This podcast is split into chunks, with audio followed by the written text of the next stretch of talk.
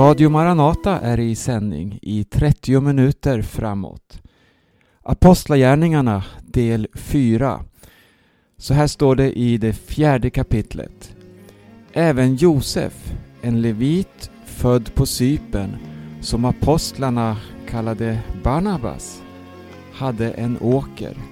Han sålde den och bar fram pengarna och lade dem vid apostlarnas fötter. importa quién es.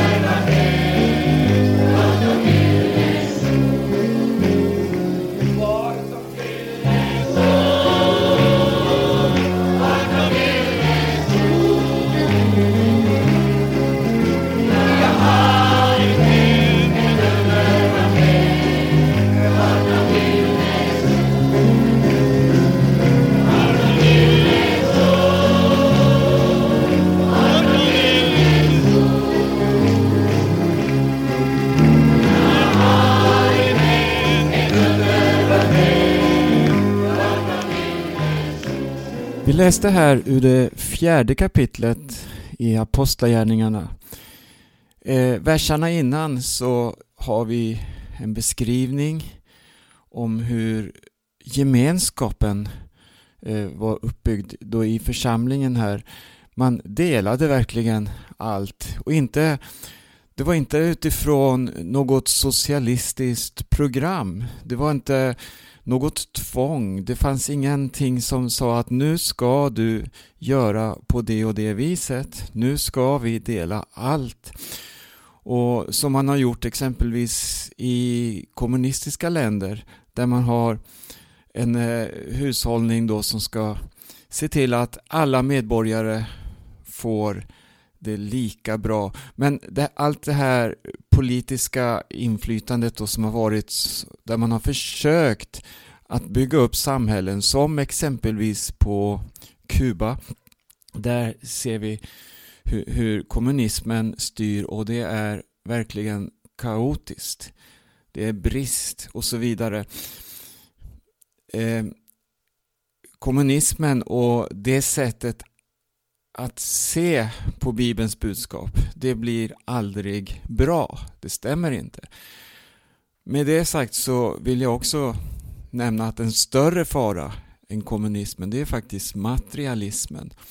Den har fångat upp fler människor och fått dem att dra sig tillbaka, att söka sitt eget och förlita sig på sina tillgångar. Nej, materialism, kommunism, vänster, höger och så vidare. Nu måste vi lägga det åt sidan och se vad är det som apostlagärningarna vill visa på. För det första, i det fjärde kapitlets 32 vers så, så står det så här Hela skaran av dem som kommit till tro här har vi då en del av människorna som fanns i Jerusalem. Vi ser en skara som tillsammans har kommit till tro på Jesus och som har lämnat sina liv till honom. Det är alltså en, en skara som har tagit ett aktivt beslut att bli Jesu lärjungar. Det är inte vem som helst. Det här är inte ett program för samhället. Det är inte ett politiskt program som ska vara med och reformera samhället och förändra på det sättet. Nej, här har vi en skara som bekänner sig till Jesus och som har tagit beslut i sina liv. Vi vill vara hans lärjungar, han är vår Herre och som med eh, hela sitt liv då vill efterlikna sin mästare. Studera Jesu liv, studera hans förkunnelse. I, när det handlar om just de här frågorna, han, han tar väldigt mycket upp om ekonomi. Jesus han, han undervisar om faran att fastna i ett egoistiskt och materialistiskt tänkande. Att låta det få styra. Till och med säger han att vi ska ta oss till vara för timliga omsorger. Det är värt att tänka på. Men här ser vi en skara som har kommit till tro. Och vad var det då som var så utmärkande för denna skara? Det kommer i nästa sats här. Hela skaran av dem som kommer till tro var ett hjärta och en själ. Det här är grundläggande. Det, det handlar om att vara med av hjärta och själ. Och den här enheten den bygger på en grund som är gudomlig. Att, att ha fått lära känna Jesus, att fått, som, de, som den här urkristna församlingen, och flera av syskonen där hade personligen mött honom, hade varit hans lärjungar och hade nu blivit fyllda av den helige Ande. Man hade fått sina liv förvandlade. Och så står det här att man var ett hjärta och en själ. Och här har vi nu förutsättningen. Den finns där, grunden är lagd. Och då kommer nästa steg. Ingen kallade något av det han ägde för sitt, utan det hade allt gemensamt. Syftet med det hela, det var ju att förverkliga något gudomligt. Att vara en församling som hade en inre samling och en slagkraft utåt. Och det hade man genom att man var ett hjärta och en själ. Man var alltså andesmorda kristna och det här ledde fram till att man började helt generöst att dela med sig till den som inte hade något. Och det här var en grundläggande tanke i församlingen. Och så fortsätter det. Med stor kraft bar apostlarna fram vittnesbördet om Herren Jesu uppståndelse och stor nåd var över dem alla. Ingen av dem led någon brist, för alla som hade mark eller hus sålde sådant som de ägde och bar fram betalningen för det som sålts och lade ner det vid apostlarnas fötter. Apostlarna, eh, vi vet att de var tolv och eh, de eh, hade faktiskt inga privilegier utöver de andra i församlingen. Nej, för vi kan läsa om eh, Petrus. Han sa till den lame mannen som satt i, invid porten som bad om att få en allmosa, en gåva. Men Petrus han sa till honom att silver och guld, det har vi inte. Ändå kan vi läsa om hur många ur församlingen dagarna innan hade lagt ner sina gåvor vid apostlarnas fötter. Men det var ju inte till apostlarna utan det var till församlingen. Man delade ut åt var och en efter hans behov. Vi ska gå vidare. Vi läste inledningsvis om en broder som hette Barnabas. Han sålde också en eh, åker och denne Barnabas var faktiskt en oerhört utgivande broder som älskade Herren, som älskade församlingen och som visade på en speciell omsorg om syskonen. Han eh, han, han, han måste ha varit en klippa i församlingen i Jerusalem. Vi ska ta och läsa något om Barnabas och försöka lyfta fram dessa egenskaper som jag tror också är så viktiga för oss i våra dagar. Barnabas kom att få en stor betydelse för aposteln Paulus. Saulus, som han fortfarande kallades när vi läser här nu i det nionde kapitlet, han hade ju fått brev med sig med fullmakt att fängsla de som var på den vägen eller som tillhörde vägen.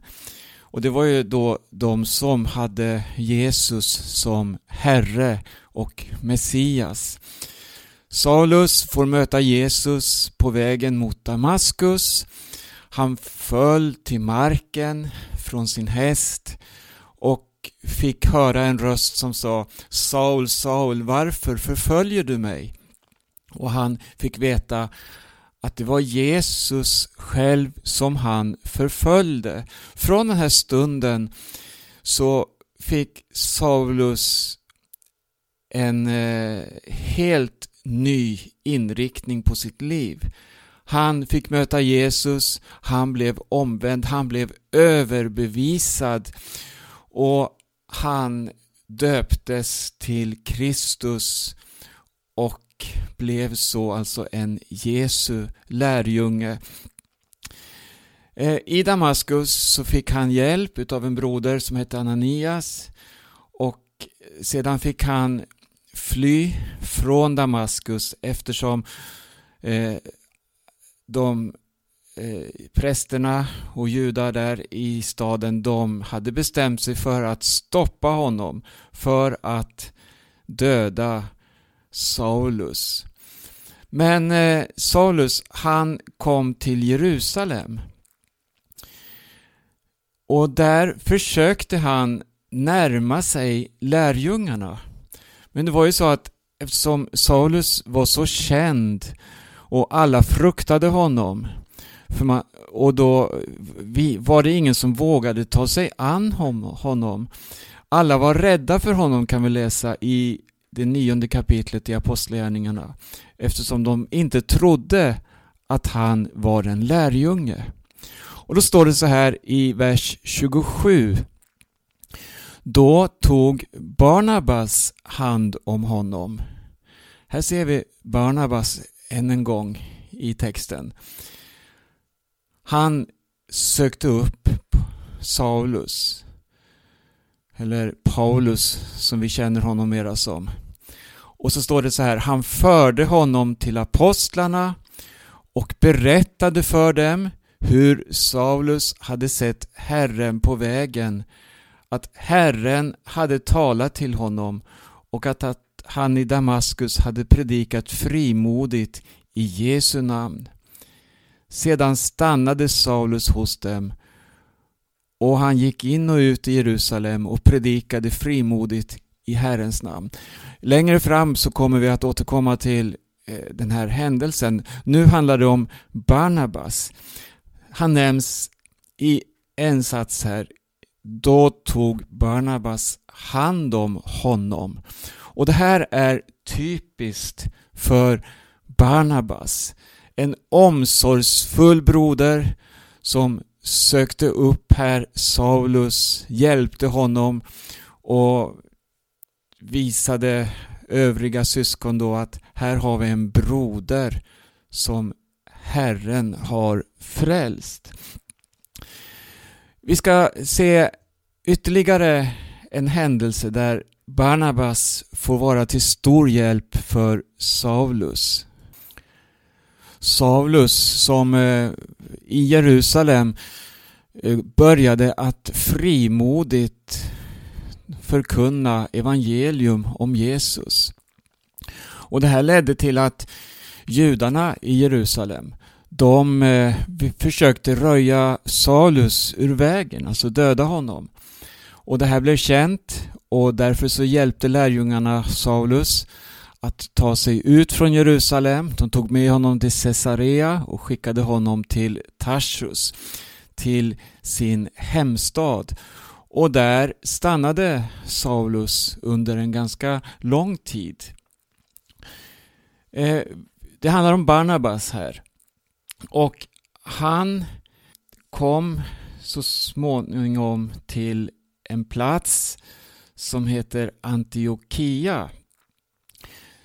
Det var ju en förföljelse och eh, den började med Stefanus. Och det här ledde till att lärjungarna spreds från Jerusalem och en del av dem kom till Antiochia där man förkunnade ordet. Och där i Antiochia så började man också tala till greker och förkunna evangeliet om Herren Jesus, alltså till andra än judar. Och det var många som kom till tro i Antiochia och det här ryktet nådde församlingen i Jerusalem och då sände man Barnabas till Antiochia. Och när han kom dit och såg vad Guds nåd hade gjort så blev han glad och uppmanade dem alla att hålla sig till Herren av hela sitt hjärta. Och här står det i kapitel 11, vers 24. Barnabas var en god man, fylld av den heliga Ande och tro och en stor skara fördes till Herren. När Barnabas var, var i Antiochia så började han fråga efter Saulus. Och han förstod att Saulus befann sig i Tarsus. vad gjorde han då? Jo, det står så här i vers 25. Därefter begav han sig till Tarsus för att söka upp Saulus. Han fann honom och tog med honom till Antiochia. Alltså återigen ser vi hur Barnabas, han glömde inte sin broder Saulus och han förstod nu att Saulus är ett redskap för Gud och han behövs här i Antiochia. Och han tog med honom dit och sen började de tillsammans att undervisa i församlingen. Och Saulus kom på det sättet in i en speciell uppgift som sedan ledde fram till att Barnabas och Saulus tillsammans gav sig ut på viktiga missionsresor. Och det här kommer vi också att återkomma till. Här i det elfte kapitlet så ser vi ytterligare något som visar på vilket förtroende Barnabas hade i församlingen.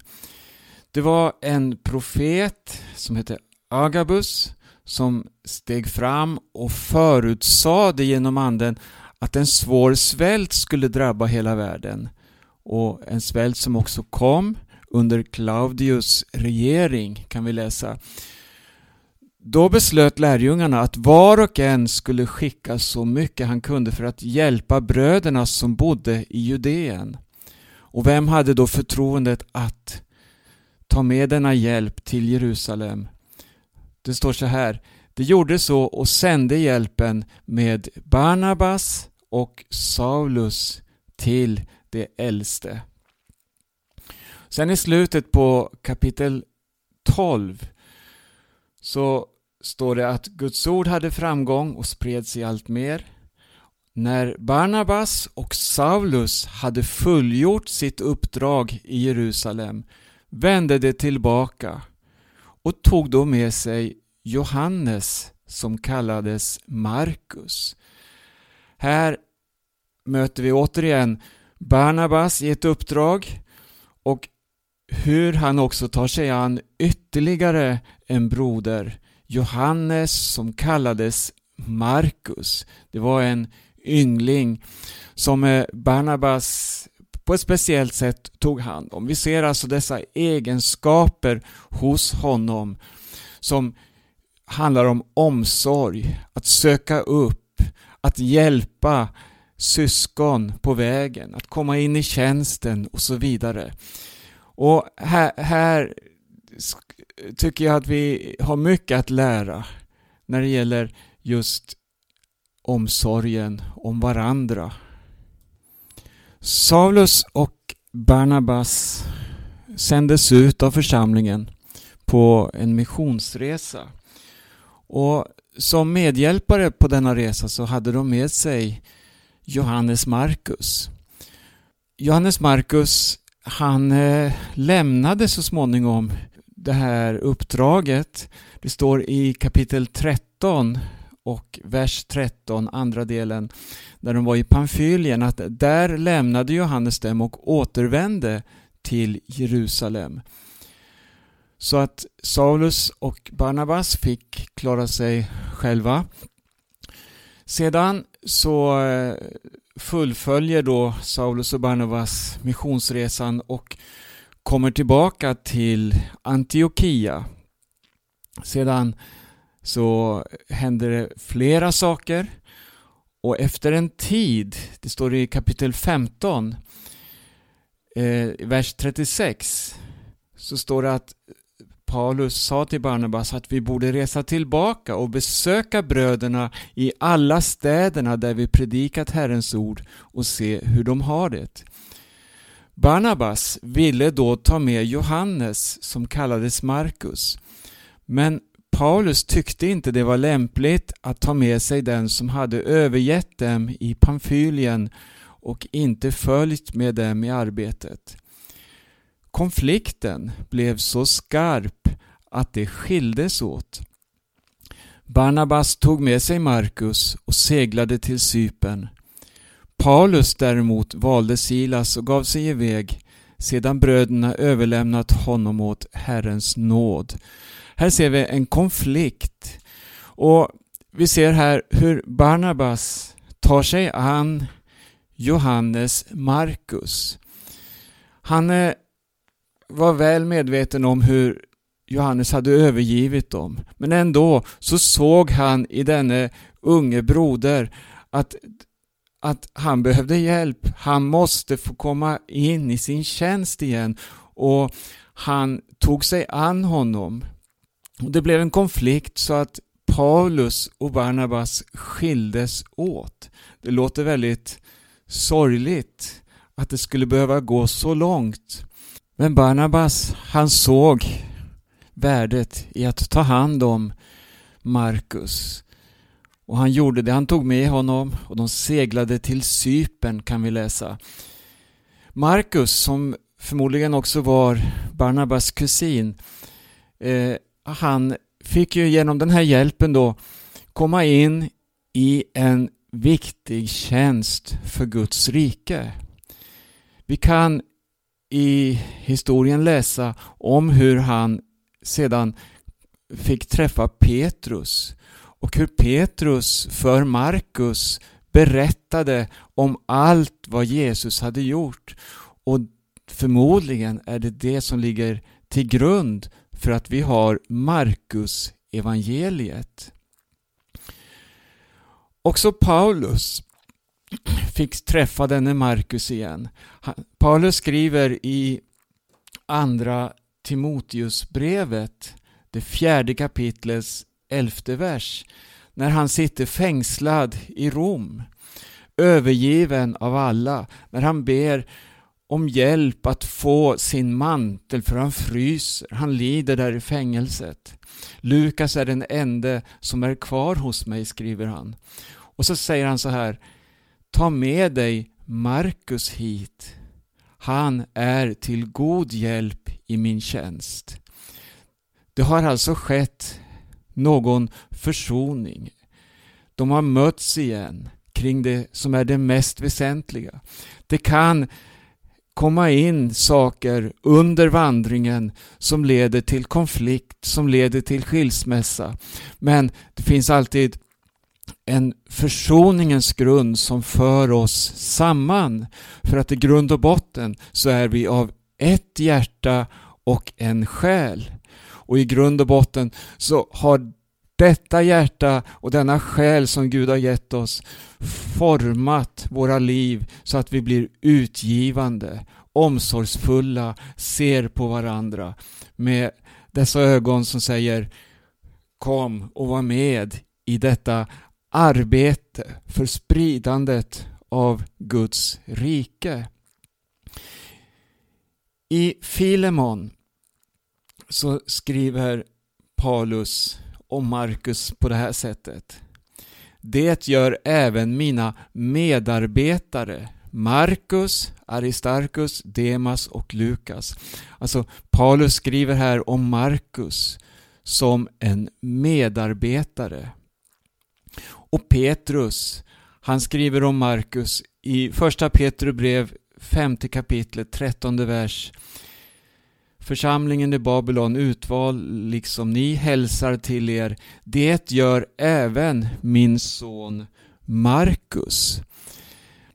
Den omsorg som Barnabas visade Markus, den gav verkligen frukt. Vi förstår det när vi följer Nya Testamentet och ser till vilken stor välsignelse Markus kom att bli för Paulus, för Petrus och för oss alla genom att vi därigenom har fått Markus evangelium. Barnabas, han var fylld av denna ande som också Jesus hade visat på. Han kunde gå långt för att söka upp någon, för att hjälpa någon. Han for ända upp till Tarsus. Han tog sig an Paulus tidigare också i Jerusalem. Han eh, tog hand om Markus. Vilket herdehjärta. Ska vi läsa till sist här något som Markus skrev om Jesus. Kapitel 5 i Markus evangelium. Det står om Jesus då. Så kom det över till Gerasenernas område på andra sidan sjön. Här ser vi Jesus ta en lång omväg, helt omotiverat tycker man. Vad skulle Jesus göra på den platsen? Så långt borta från det han egentligen var på väg till. Men Jesus han visste att där fanns det någon människa som var förkastad, som var utestängd från övriga, som ingen klarade av, som ingen trodde längre på. Men Jesus, han gav sig ut på denna långa resa och hör här, när Jesus steg ur båten kom en man emot honom från gravarna. Han hade en oren ande och bodde bland gravarna. Ingen kunde binda honom längre, inte ens med kedjor. Flera gånger hade han blivit bunden med fotbojor och kedjor, men han hade slitit av kedjorna och brutit sönder bojorna. Ingen var stark nog att rå på honom. Ständigt, natt och dag, höll han till bland gravarna och uppe i bergen och skrek och sargade sig själv med stenar. Vi ska inte läsa hela den här berättelsen, men gör det gärna i Markus 5, utan vi ska se vad som hände. De orena andarna for ut ur mannen och in i en svinjord som fanns där. Och denna jord rusade ut för branten ner i sjön.